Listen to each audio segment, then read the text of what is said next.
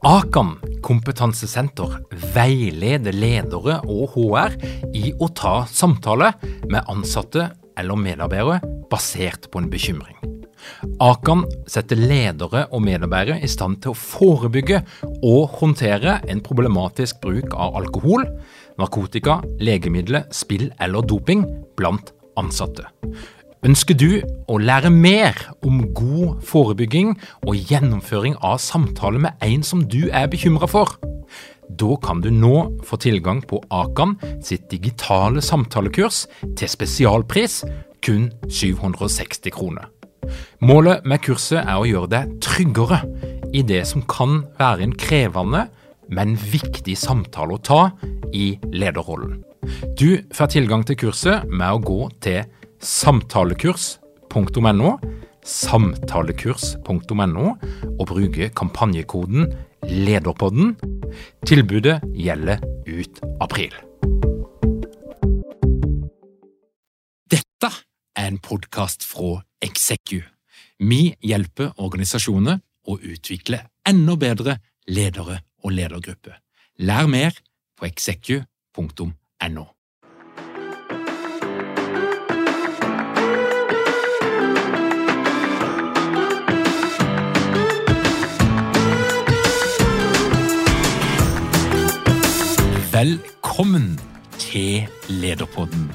Mitt navn er Tor Åge Eikerapen. Jeg jobber som organisasjonspsykolog med leder- og ledergruppeutvikling.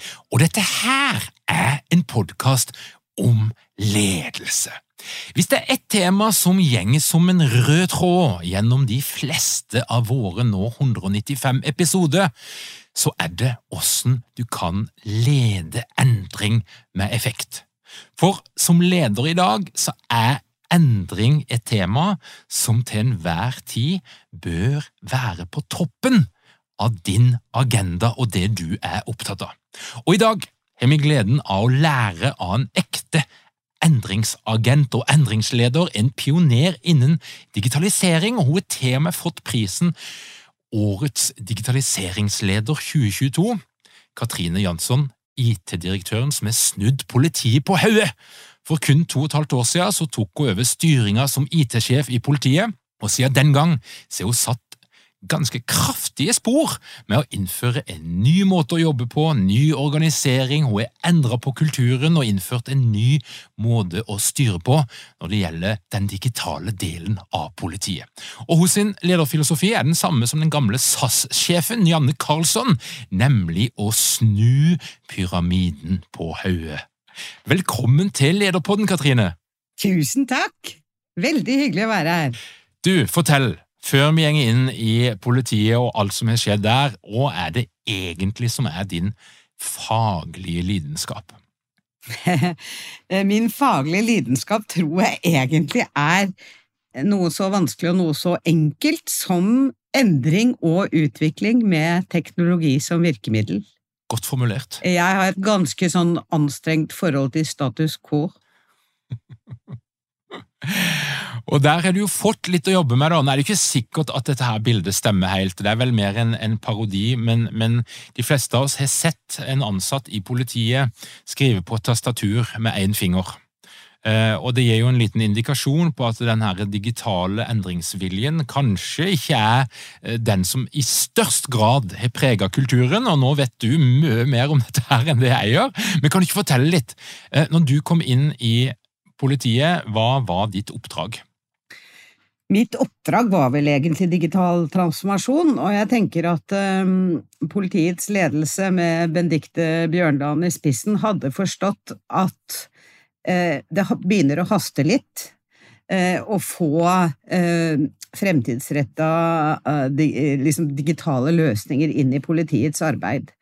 Så derfor så valgte jo hun å ta eh, meg inn i ledergruppa. Det hadde ikke eh, Sånn var ikke historien med tidligere IT-direktører, så det sier jo også litt. Og så var jo Eh, jeg red jo da på, eh, hva skal vi si, bryllupsreisen med eh, politiet første året, og Benedicte var jo selv tydelig på at hun fikk på en måte digitalisering intravenøst inn fra meg hver uke. Så jeg tror jeg på en måte hadde sånne korte innlegg hver eneste uke om, om ting vi måtte få til, eller ting som åpenbart kunne være til hinder for å få til ting, osv. da. Men den digitale kompetansen var jo ikke så høy, eh, og det ble derfor ganske raskt eh, i løpet av første året mitt, eh, så ble på en måte politiets digitale evne satt som et sånt fryktelig viktig strategisk element å jobbe med. Mm. Og når vi snakker om politiet og det digitale, så er jo det et ganske mangfoldig bilde, vil jeg tenke. Sammensatt. altså eh, Alt ifra de systemene som brukes av alle som jobber eh, i politiet, til at vi snakker i dag om digital kriminalitet, cyberkriminalitet eh, og, og alt det som er inni det, som òg er en viktig del av politiets arbeid. Men kan du, kan du beskrive litt den digitale modenheten som du eh, opplevde når du kom inn i etaten? Ja, jeg, jeg vil si at liksom man hadde skjønt at man måtte gjøre noe, men man hadde ikke skjønt hva. Um, og så eh, mm, Så jeg vil si på et vis at den er litt lav.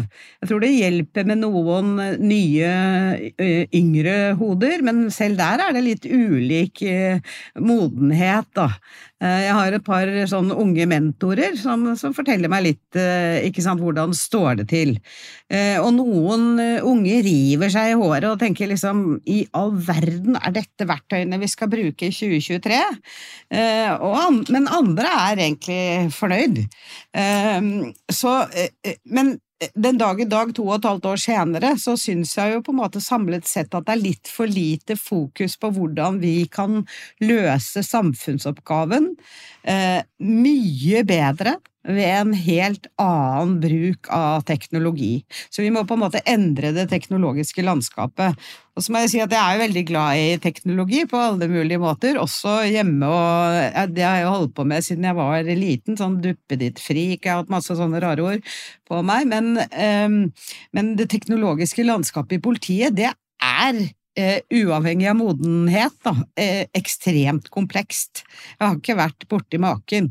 Og det er jo på en måte Vi har jo transaksjonssystemer, vi som andre offentlige etater, men vi har jo i tillegg liksom droner og biometriløsninger og helikopter, og bare i en politibil er det åtte meter kabel på grunn av IT-utstyr. Det, det, er veldig, veldig mangfoldig og komplekst. Mm. Det var derfor veldig gøy. ja. Ja, det, jeg hører jo at det er mange gøye leker i politiet, hvis man er glad i duppedittet.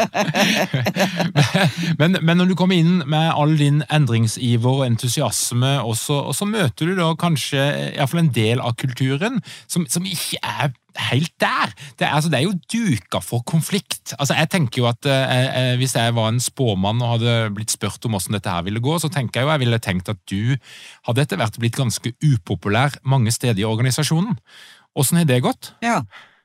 Nei, det tror jeg var en riktig spådom. Eh, jeg tror at du Jeg er både elsket og hatet, for å si det sånn.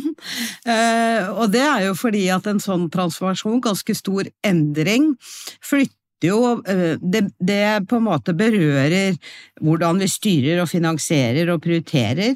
Det berører liksom hvordan vi eh, jobber og hvordan vi samhandler. Det berører selvfølgelig liksom valg av teknologi. Og så er det jo kultur og mindset eh, og, og, ledelse. Det er liksom de fem elementene jeg Det er kompasset mitt på et vis, da.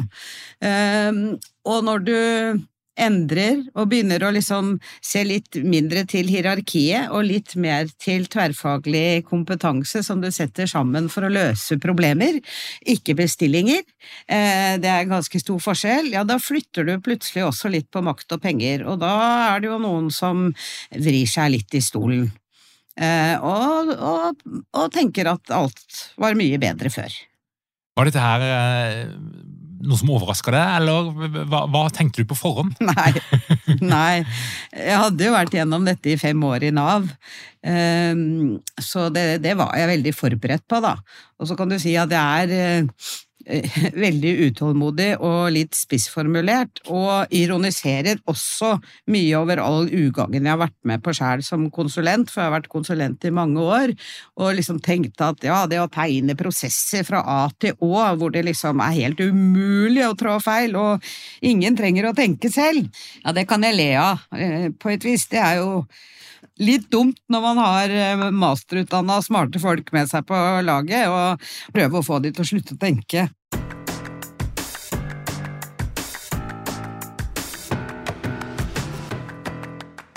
Jeg er litt sånn spent på, eh, når du kommer inn i en etat som du da ser, der du ser et stort behov, hvor begynner du henne? Ja, Det tror jeg er ganske viktig. Det tror jeg egentlig er et råd til alle som har lyst til å begynne.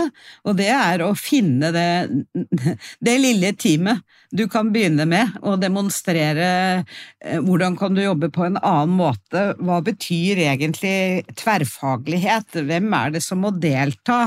Eh, hvordan kan du ha tillit til at teamet vil løse eh, problemene som de definerer, uten at noen har bestilt fra dem en eller annen løsning løsning de skal levere på, by the way, av folk som ikke er så gode på teknologi. Det, det blir jo ofte litt klønete løsninger.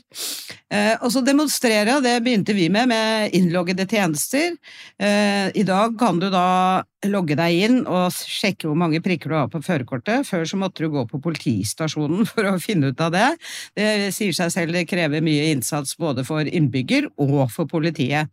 Men, men eh, ingen fortalte dem at det var prikker på førerkortet de skulle begynne med. Eh, vi fortalte dem at innloggede tjenester må vi ha, dere må finne ut av hvor begynner vi. Og så greide de å demonstrere at de skapte verdi. Vi fikk eh, satt på kartet at liksom økonomi kan ikke sitte borti der og hyle etter eh, at noen skal fylle ut masse regneark med noe verdi- og gevinstbegreper som teknologer ikke skjønner noe av. Juridisk stab kan ikke sitte borti der og, og, og sende e-poster frem og tilbake. Disse folka må inn i teamet med sin kompetanse og bidra. Så vi fikk spissformulert på en måte litt rundt tverrfaglighet. Og da gikk vi videre og satte i gang neste pilot, som kanskje er det jeg er mest stolt av. Eh, et stort produktområde med fem team, hvor vi prøver å se på hele verdikjeden fra en hendelse oppstår til saken er eh, iretteført og avslutta. Og da, Hvis jeg skal bare, bare liksom oppsummere litt, det jeg hører du gjør, det er jo at du gjør jo noe veldig smart, og kanskje litt, sånn, litt motsatt av det mange ville ha gjort. Altså, så du, du starter med folkene. Du, du, starter med den gjengen som er motivert og, og, og klar for å være med på noe, noe gøy, høres det ut som. Og så gir du dem en ramme. De skal løse et problem, men de velger faktisk problemet sjøl. Og da vil jeg jo tippe at vi snakker om litt sånn lavthengende frykt, kanskje? Eh, ja, no, ikke sant? Ja. For å demonstrere at du greier å skape verdi ved å jobbe på denne måten, da så er det litt viktig å ikke starte med det aller mest komplekse. Det handler jo på en måte også om at det, det tar tid til å bli et godt, produktivt team. Eh, så det er mye sånn mellommenneskelig, det er mye metode, ikke sant, det er mye sånn eh, skal vi sitte hjemme, skal vi møtes på jobb, hvilke verktøy bruker vi, det er mange ting et team skal finne ut av. De skal gi hverandre feedback, ikke sant, det skal være åpent, transparent da er det lurt å ikke begynne med det aller, aller mest komplekse oppgaven, men, men en oppgave som er, um, som er, kombinerbart med all den andre utviklingen som må skje i parallell, da. Men dette her referanseprosjektet som da, altså, det endte jo da opp i en, en app der eh, enhver innbygger kan logge inn på å, å, få en digital utgave av sitt eget førerkort, og du kan se statusen på mange prikker du har og, og hva det måtte være. Um, hvis jeg skjønner riktig, så høres det ut som du kan bruke det som en sånn rambukk eller en døråpner for å legitimere resten av prosessene. Samtidig som det selvfølgelig ligger masse læring, og at tjenesten har en verdi i seg sjøl. Men, men, jeg hører jo noe med rekkefølgen her. Gjør, ja. høres ut som at du, du, du bruker det som en, eh, som en, døråpner, rett og slett, for å bevise mulighetene som ligger i å jobbe og tenke på en annen måte. Det tror jeg er helt uh, riktig. Godt, uh, godt, fanget, egentlig. Det tror jeg er en smart eh, måte å begynne på.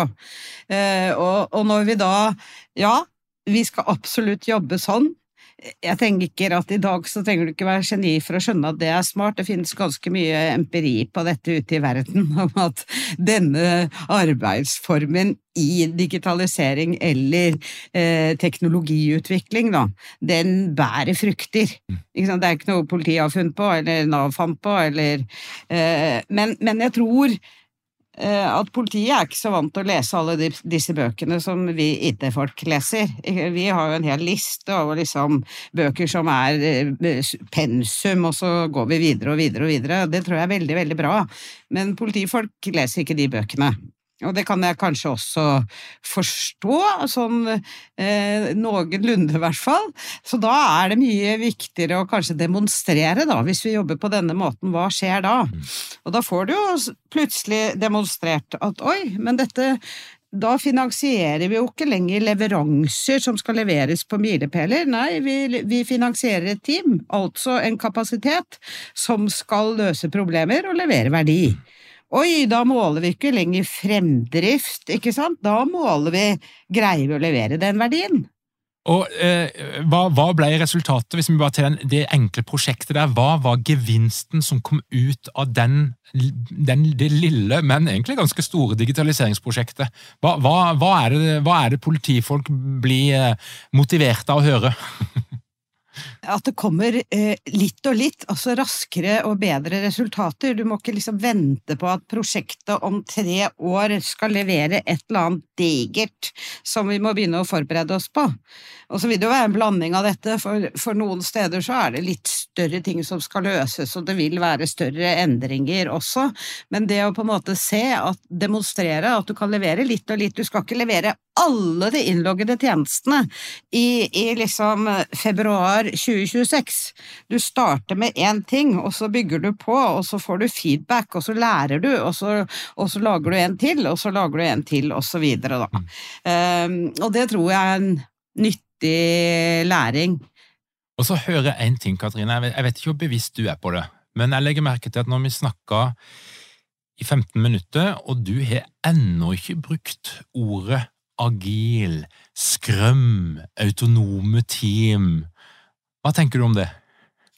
Nei, jeg tror jeg ikke bruker de ordene så mye, fordi jeg tror de er i seg selv litt sånn fremmedgjørende.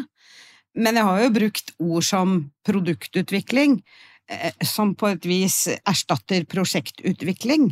Og så tenker jeg prosjektmodellen er jo kjempebra hvis du skal bygge et bygg som skal stå ferdig, eller arrangere OL, eller en tunnel, eller hva det måtte være, men det er har vist seg å ikke være en veldig god eh, eh modell for IT-utvikling, da. Eh, der, eller der teknologi er en betydelig andel. Eh, fordi at du greier ikke liksom sette deg ned og spekke opp og beskrive hva du skal lage tre år før du skal lage det. Hvis du gjør det, så lager du fort teknisk gjeld. Mm. Det er utdatert i det øyeblikket det er ferdig. Så det er jo noe med den jeg er mer opptatt av det er den store omleggingen, så produktutvikling har jeg snakket mye om, og så tror jeg at jeg har snakket fryktelig mye mer om tverrfaglig. Mm. Altså eh, kan vi liksom eliminere hierarkiet og hvem som bestemmer hva, og være mer fokusert på hvilke kompetanse trenger vi for å løse hvilke problemer, og så la den kompetansen finne sammen og løse de problemene. Det er jo på en måte det tverrfaglige. Da kan vi ikke ha noen miljøer hvor vi må sitte og liksom sende e-poster og, og, og, vente seks måneder på å få svar. Det tar jo ned farta. Så, så det kommer jo fort da Eh, det åpenbarer seg, kan du si, at oi, hvor er det det er store eh, på en måte kompetanse- eller kapabilitetsavvik, da, og hvor er det vi er godt skodd. Så det, det, gjør jo på en måte også noe med dreining av kompetanse og, og kapasitet i stort. Men eh, smidig ja, vi skal jobbe smidig, eller vi skal være agile, men jeg tror det er litt sånn fremmedgjørende ord for mange. Og selv de ordene jeg bruker om produktutvikling og produkteier og liksom eh, eh, tight, loose, tight er jo et begrep eh, vi bruker. Ja, det var mange som syntes at jeg kom med et eh, helt uforståelig vokabular. Og da sa jeg at uh, det er artig at dere i politiet sier, for jeg skjønner jo bare 50% av hva dere snakker om. Det er så mye uh, politivokabular, men jeg må sette meg inn i det, akkurat som dere må sette dere inn i mitt vokabular. Uh, så her må vi smelte sammen. Veldig bra. Det, jeg hører jo noe om at du Altså, du, du har gjort denne jobben i Nav, du har vært ute som konsulent. Jeg, jeg sitter jo med en opplevelse at du er en person som tåle å stå i motstand og tåle å stå i stormen, for det er jo en del av det vi kanskje ikke snakker så mye om når vi snakker om det å lede endring, at du skal, du skal tørre å fronte det uten å bli defensiv uten å gå i angrep, ja. og, og, det er jo en psykologisk eh, eh, miks av ferdigheter, innsikt og, og genetikk som ofte ligger bak det. Hva, hva, hva tenker du? Hva, hva, er det som skal til for å stå i en sånn posisjon?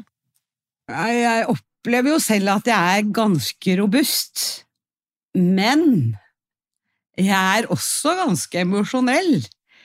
Og det er jo av og til litt krevende det er klart at eh, når du blir litt utålmodig og litt spissformulert, så tråkker du folk på tærne. Og jeg blir faktisk litt lei meg når jeg skjønner at jeg har gjort det, for det har aldri vært intensjonen min.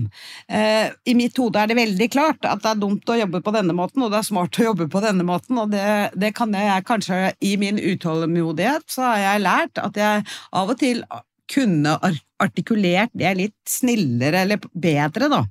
Ehm, en god måte å si det på er at liksom det som har tatt oss hit, er ikke nødvendigvis det som tar oss videre. Eh, eh, og det er bare fordi det er endringer i, samfunnet, ikke fordi at vi, noen av oss er noen tullinger. Men der kan jeg bli litt sånn spissformulert. og og så eh, er man jo vant til politiet, at PIT, som er det jeg leder, det er på en måte en gjeng som leverer det de får beskjed om.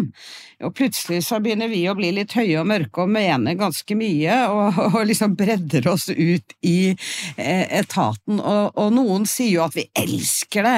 Jeg elsker PIT, jeg, Katrine, er det noen som sier. Og det er så flinke folk. Mens andre åpenbart liksom ønsker å holde oss litt på avstand. Uh, og jeg har opplevd noen tøffe tak, også i, i nasjonale ledergruppen i politiet, hvor, hvor, jeg på en måte tenker at oi, gud hjelpes, uh, dette, dette syns jeg var krevende. Da, da, kan jeg gå litt uh, ned en ukes tid, være lei meg litt sånn utafor, men det varer ikke så lenge, da, fordi at jeg har hele tiden målet på på liksom, hvor vi skal, og det blir viktigere for meg.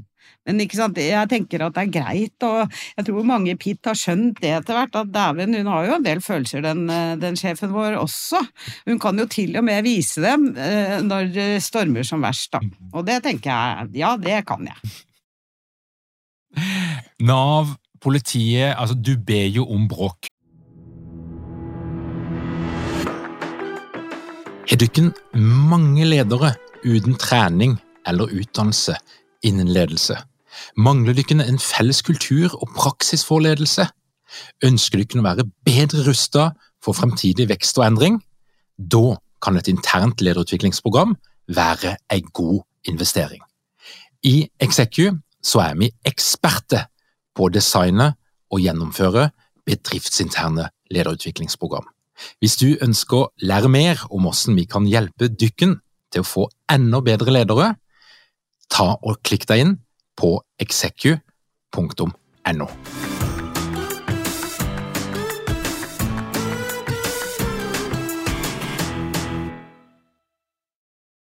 Du, du, du, du, ja, er, gjenger inn i krigen, og du, vet Det er sannsynligvis det som trigger deg litt òg, men, men hva i såpass enorme, komplekse organisasjoner, og du har allerede nevnt noe av det, men hva er de største hindringene som du møter på, og som også andre ledere i lignende mindre organisasjoner bør være forberedt på? Jeg tror kanskje det er liksom det, noe av det som gjør mest vondt i en organisasjon som sådan, det er at dette betyr at du flytter på makt og penger sånn strukturen av hvem som bestemmer hva på en måte blir annerledes. Skal du gi team eh, skal du gi dem problemer å løse, og så har de eh, beslutningsmyndigheten selv til i hvilken rekkefølge, hvilke hypoteser skal vi teste ut, hvilke verktøy skal vi bruke for å løse det, hvor du kommer fra en verden hvor alt dette var på en måte bestemt og lagt, da. Så eh, der kommer det en del smertepunkter i organisasjonen. Og så opplever jeg i politiet i særdeleshet at eh, jeg kunne jo ikke få lov til å snakke med departementet da jeg kom inn. Da måtte jeg sende et brev, eh, og jeg måtte i hvert fall ha med meg noen voksne i direktoratet. Eh, jeg opplever også der at i, i forhold til embetsverket så har vi begynt å jobbe litt mer sammen, eh, og de er jo utrolig gode på å liksom lese det politiske landskapet, og vi er gode på liksom hvilke forslag kunne vi tenke oss å legge på bordet, og når du parer den kompetansen, så blir de forslagene veldig mye bedre. Så jeg synes det har vært utrolig positivt positivt å jobbe med Justisdepartementet, da. Og så eh, har jeg en veldig, veldig sånn fersk baby. Og det tror jeg handler om at uh, hele samfunnet må slutte å se på digitalisering og teknologiutvikling som noe eget på sida vi må begynne å se på det som noe som er integrert i virksomhetsutviklingen. Altså, eh, en av mine ledere som alltid sier at vi må gå fra å tenke at IT er et hjelpemiddel, til IT er selve virkemiddelet. Samme fyr sa i dag du kan tenke deg at vi som politiet er vi en teknologietat som skal løse politioppgavene, eller er vi en politietat som skal bruke teknologi? Det setter det virkelig litt sånn i perspektiv, da. Men hvis du ser på statsbudsjettet, så ser du jeg tror dette gjelder eh, eh, alle etater, ikke bare politiet. Det skal så mye til å styrke gjengkriminalitet, det skal så mye til å styrke liksom eh, overgrep av barn på nett. Og styrkingen handler om folk. Og jeg tenker at hver eneste av de postene burde vært 20 eh, går til teknologi og 80 til, til folk, og kanskje etter hvert eh, litt annen brøk også. For vi kommer ikke til å greie å løse politiets utfordringer bare med mer folk. Vi er nødt til å ha andre teknologiske virkemidler for å virkelig greie å gjøre mer for mindre, da, det tror jeg er et stort poeng. Jeg hører at du har gjort et annet smart trekk som vi må dvele litt med, eh, og det er plassen i ledergruppa. Det handler om den makta og myndigheten som du skal ha, og for de som ikke er klar over det, så er det ofte sånn at IT plasseres langt ned i hierarkiet, f.eks. under en eller annen stabsfunksjon eller noe felles greie, ganske godt gjemt vekk, og får lov til å komme inn på ledergruppemøte sånn et par ganger i året for å presentere en eller annen investering. Som ingen skjønner nå. Ja. men, men, fortell litt, hvordan, var den praten? For jeg regner ikke med at dette her kom helt av seg sjøl? Jo, det var egentlig Det var besluttet før jeg kom inn. Vi må få, i toppledelsen i politiet, vi må få teknologi tettere på oss. Vi må ha den kompetansen inn i rommet. Så den, den, kampen slapp jeg å ta. Men jeg tror på en måte på den annen side at eh, jeg hadde jo aldri sagt ja til den jobben hvis ikke så var tilfellet. Mm. Fordi det, da hadde jeg sett på det som en umulig oppgave å få det til, rett og slett. Mm. Så det tror jeg en, har vært en forutsetning da, for å få det til. Og jeg, jo, jeg ble jo ganske imponert over, over ledelsen i politiet, og, som liksom på relativt kort tid kasta seg rundt og sa ja til å, til å, sette i gang en del av det vi har satt i gang. Da. Så det syns jeg var veldig bra. Men eh, vi er fremdeles ikke her at dette er liksom helt integrert i virksomhetsutviklingstankegangen vår. Så det må vi sikkert bruke noen år til på. Ja, jeg tenker to og et halvt år det er ganske kort tid. er... ja, egentlig. i de fleste andre sammenhenger. Men, eh, men, men uh, dette her med å snu pyramiden, forklar. Det er et begrep som, som det, er, det, navnet på ei bok av, av Janne Karlsson, uh, tidligere SAS-sjef og, og, legendarisk for sin ledelsesfilosofi. Men, men, hva er det du legger i dette her? Egentlig så, så tror jeg på et vis at jeg er blitt lært godt opp av teknologer, og særlig utviklere. Det er en helt egen fascinerende eh, eh, kompetanseprofil. De er sykt gode på å løse problemer, eh, og i tillegg til å kode, selvfølgelig, men de har null respekt for titler. Så det skjønte jeg eh, veldig godt i, i Nav, at eh, jeg fikk ikke noe Det var ingen som reiste seg fordi avdelingsdirektøren kom inn i rommet, du måtte på en måte bevise. Så da jobbet jeg ganske mye med meg sjæl, faktisk, da. Fordi jeg hadde jo gått minelederskoler og hadde mine ryggmargsreflekser, og kom folk til meg med problemer, så syntes jeg det var helt naturlig, og det skulle jeg hjelpe til å løse. fra liksom gå og si 'hvorfor kommer du til meg med dette'? Det er jo dere som har kompetanse på dette her, finn ut av det, og si fra hvis dere står fast. Så jeg vil si at uh, nei, det å bare snu pyramiden, jeg mener ikke det. Jeg mener at min viktigste jobb, som tross alt sitter med oversikt, det er å sette retning. Og artikulere den retningen og få med meg folk på den retningen. Eh, og når vi er på en måte der at vi skjønner hvor vi skal og hvilken reise vi har begitt oss ut på, ja, da snur jeg pyramiden. Og så sier jeg det er dere som sitter med innsikt i hvordan vi kan løse problemene best mulig. Hva kan jeg gjøre for dere nå? Hvordan kan jeg hjelpe dere? Hvilke hindringer er det dere har behov for at jeg fjerner? Mm. Så det er egentlig det jeg legger i det, men du må, du må gjøre begge deler. Du kan ikke bare snu pyramiden og si 'finne ut hvor vi skal', og 'jeg har full tillit', og 'dette går nok kjempebra'. Ja, for det ser jo mange av de organisasjonene vi jobber med, eller noen av de, eh, syns jo dette her er litt krevende. Altså det å kombinere autonomi og frihet til de enkelte fagekspertene, samtidig som du skal sikre at den er på samme linje, at den går i samme retning, og at det er en progresjon. For vi ønsker jo de her løsningene, de skal, de skal, ut fort, altså. Vi har dårlig tid. Eh, vi må ha progresjon. Og da er det jo en, en intuitiv tendens hos mange av oss til å stramme skruen og bli litt tydeligere, og litt overtydelig, kanskje. Mm. Ja, det er en balansegang i dette. Jeg vil si Du må liksom gasse på, og så må du innimellom bremse litt, og så er det liksom finne balansen i det, da. Eh, fordi at hvis du mister folk på veien eh, som ikke skjønner hvor vi er på vei og hva vi skal hvis, vi, hvis, du mister for mange av dem, så går det ikke. Så da er jo liksom avhengig av at flertallet har skjønt uh, greia.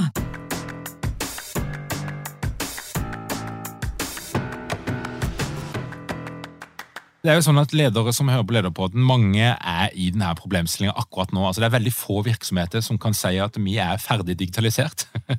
vi har alle de systemene vi skal ha. Eller at her skal det ikke komme noen endringer de neste årene.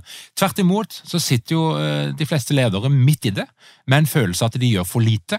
Eh, det er for lite framdrift, og de burde være egentlig lenger fremme eh, enn det de er. Hva, hva er dine beste råd til, Nå er det ikke alle som sitter i så store organisasjoner som Nav og, og politiet, men sånn eh, litt uavhengig av størrelse, hva, hva er det ledere bør gjøre mer av for å få fart på de endringene de ønsker? Stort spørsmål, egentlig, altså. Eh, jeg tenker jo på en måte at eh, det å ha en forestilling om hvordan ser verden ut der fremme for oss, og greie å artikulere den, det, det er viktig. Ikke sant? Du, du, kan ikke bare fokusere på hva skal vi gjøre denne uka og, og, og neste år. Du, du, må, du, må, greie å tegne opp det bildet, da. Og jeg har ikke gjort det i full skala ennå, det er ikke noe enkelt arbeid. Men vi har på en måte gitt retning for de liksom vesentligste tingene våre, for teknologien, for medarbeiderutviklere, ledere, data, samarbeidspartnere, hvordan vi skal bruke markedet.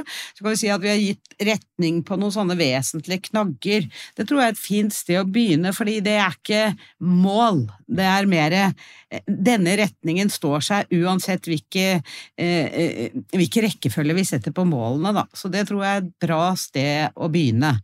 Og så må man gå videre og, og bli enda mer artikulert i, i, forhold til hva vi egentlig skal få til, og hvordan ser det ut da? Og har vi, har vi da, blir vi mer produktive, øker vi kvaliteten, er det bedre for hvem? Ikke sant, du, du må på en måte greie å fortelle business-casen din i stort, da, hvis du skjønner hva jeg mener. Mm. Og så handler det bare om å begynne å jobbe med folka, og da tenker jeg at uh, omorganisering er jo ofte et godt grep for å få til endring. Noen ganger er det helt nødvendig, men andre ganger er det også et godt grep for å få til endring. Så da skjer det noe. Det blir alle engasjert i. Hvorfor det? Ja, da, får du, da, får du, på en måte også organisasjonen med på å tenke hvordan skal vår organisasjon være det smartest mulige virkemidlet for å få til dette vi skal?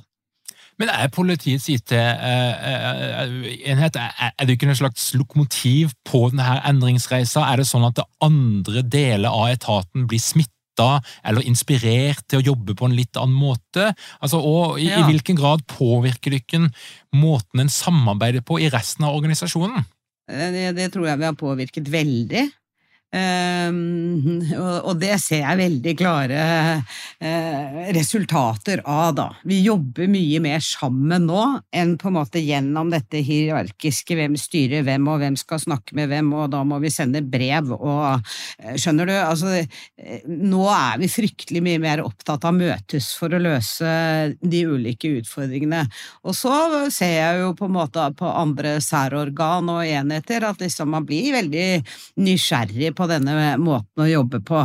Fra å være veldig skeptisk, så er man nå ganske nysgjerrig og, og ønsker å tilnærme seg mye av den praksisen som ligger i denne arbeidsmetodikken. Mm. Og så begynner til og med politidistriktene å, å liksom jobbe med ok, hvordan kan vi forbedre, både forbedre og forberede oss på dette digitale? Hva kan vi gjøre med hvordan vi møter eh, innbyggerne, for eksempel? Eh, og hvordan kan vi jobbe sammen på tvers av distriktsgrenser? Og hvis du skal se litt sånn inn i, inn i krystallkula, da, det den her mellommenneskelige kompetansen, den her teamkompetansen altså Det er jo ikke gitt at alle Jeg tenker at det krever jo en litt opplæring og trening for å, for å skjønne greia her. Eh, og, og, ikke minst lederkompetanse.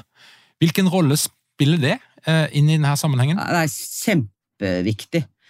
Veldig viktig. Og jeg på en måte tenkte jo for noen år siden at alle kan jobbe i team.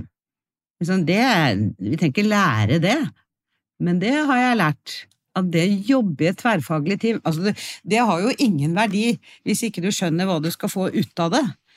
Så da må du plutselig lære på en måte å lytte til andres perspektiv og liksom undres litt, og du må lære å gi feedback for at teamet skal fungere, du må lære å sette fokus på kontinuerlig forbedring, ikke sant, å ha, gjennomføre retro, få frem forbedringspunktene. Dette er jo også det er ganske svære endringer, egentlig, men uh, for alle disse teknologene som har lest bøkene, så har de jo i hvert fall et veldig godt grunnlag, uh, og så må de demonstrere det. Men vi hadde jo en gjeng sommerstudenter i sommer hvor jeg spurte dem hva var det viktigste dere lærte? Og det var å jobbe tverrfaglig. Og det tenkte jeg oi!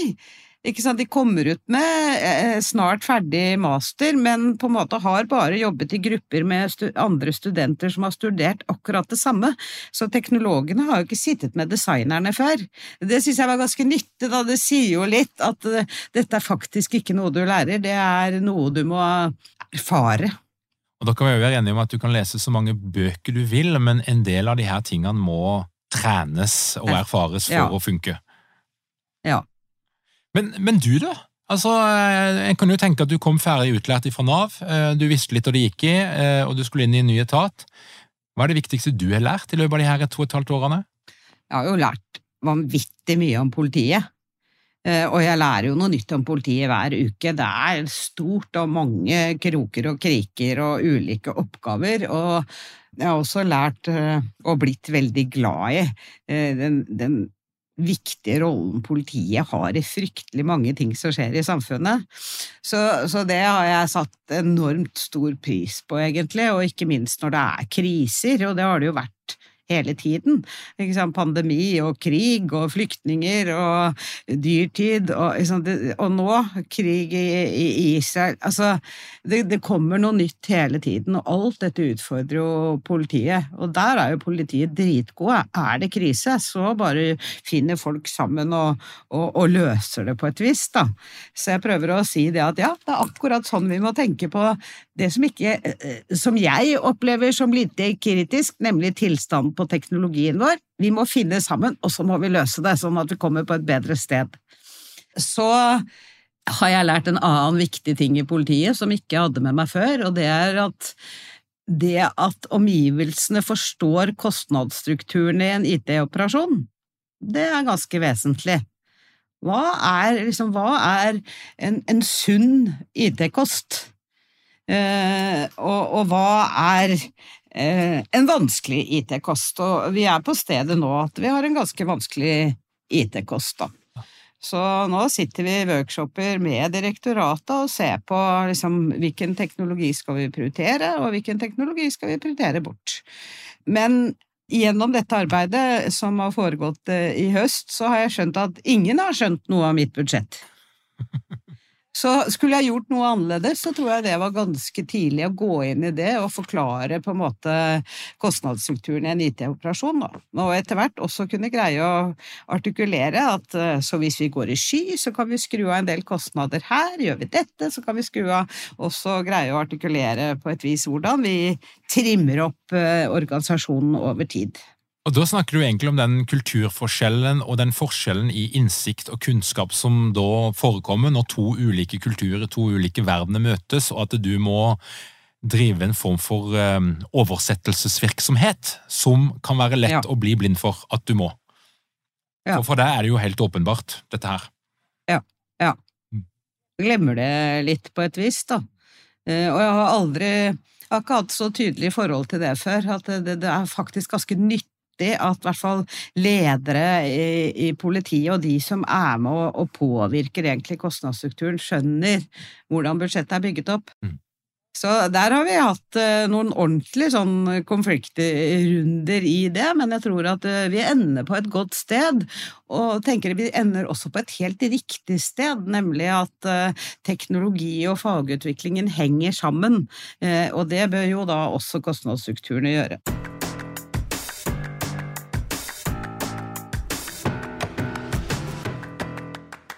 Er det noe som du har lyst til å melde ut til Lederpoddens lyttere som jeg ikke har spurt deg om?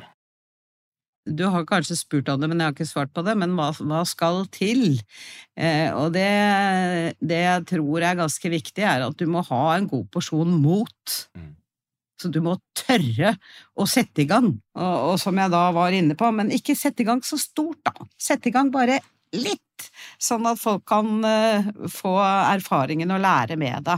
Det derre motet til å bare uh, stenge ute all uh, støy som kommer fra organisasjonen, og bare ha klokketro på hva du prøver å få til, det tror jeg er ganske viktig. Og da må du komme dit at du greier å demonstrere hvorfor dette er lurt, ikke bare gi teori på det, da. For da tror jeg ikke du får folk med deg. Det er en ting som jeg er litt nysgjerrig på, litt nerdete, men eh, det å bygge opp en egen organisasjon versus å basere seg i stor utstrekning på konsulentselskapet. Hva tenker du om det? Altså, jeg eh, tenker at eh, spesielt i teknologiutvikling så trenger du på en måte folk som har et helhetlig og langsiktig eierskap til den utviklingen. Det har jo ikke konsulenter, i hvert fall ikke de man leier inn liksom hode for hode. Eh, de, jo, de, er jo konsulenter nettopp fordi de vil til flere kunder og lære eh, forskjellige ting. Så det er jo forskjell på oss. Eh, derfor så tror jeg det er ganske viktig at vi har momentum i, i egen leir til å se dette helhetlige landskapet hele veien, for det har ganske mye å si for teknologiutviklingen. Og så tror jeg hele tiden at vi har nytte av å blande oss med eh, blod utenifra som har andre perspektiv, og som har gjort dette hos en annen kunde, eller som har en spisskompetanse. Det tar for lang tid for oss å bygge opp selv. Så jeg, jeg tror ikke på et konsulentfritt liv, og jeg syns ikke det er noe mål heller, men jeg tror på at vi må være bemanna godt nok til å ta eierskapet for den langsiktige utviklingen selv. Det var et veldig godt svar som kunne stått på T-skjorta til flere konsulenter, tror jeg. Katrine, lykke til med resten av transformasjonen. Og det som er gøy med dette prosjektet, det er at du aldri kom til å komme i mål. Nei, det er helt riktig. Det blir ikke ferdig. Vi kan snakkes igjen om fem år. Så kan vi se hvor vi er da. Ja, nei, Vi blir aldri ferdig, det er jo et av mottoene våre òg. Vi blir aldri ferdig. Og det er vel endringens natur, folkens. Det til aldri slutt. Katrine, tusen hjertelig takk for at du tok deg tida til å komme til Lederpodden. Jeg har iallfall lært masse, og det tror jeg våre lyttere har òg. Takk for at du tok deg tida. Tusen takk for at jeg fikk eh, lov til å fortelle om reisen i politiet. Til deg som hører på, hvis du er nysgjerrig på alt som skjer i vårt lederunivers, da kommer du deg inn på lederpodden.no. Du trykker på den rette knappen, og du legger inn din e-post. Da vil du få vårt ferske nyhetsbrev i din innboks hver eneste fredag. Denne episoden er skrudd sammen av Emil Kulsvehagen. Mitt navn er Torge Eikerapen, og du hører en ny episode av Lederpodden om bare ei uke. Og igjen, takk for at du lytter på Lederpodden.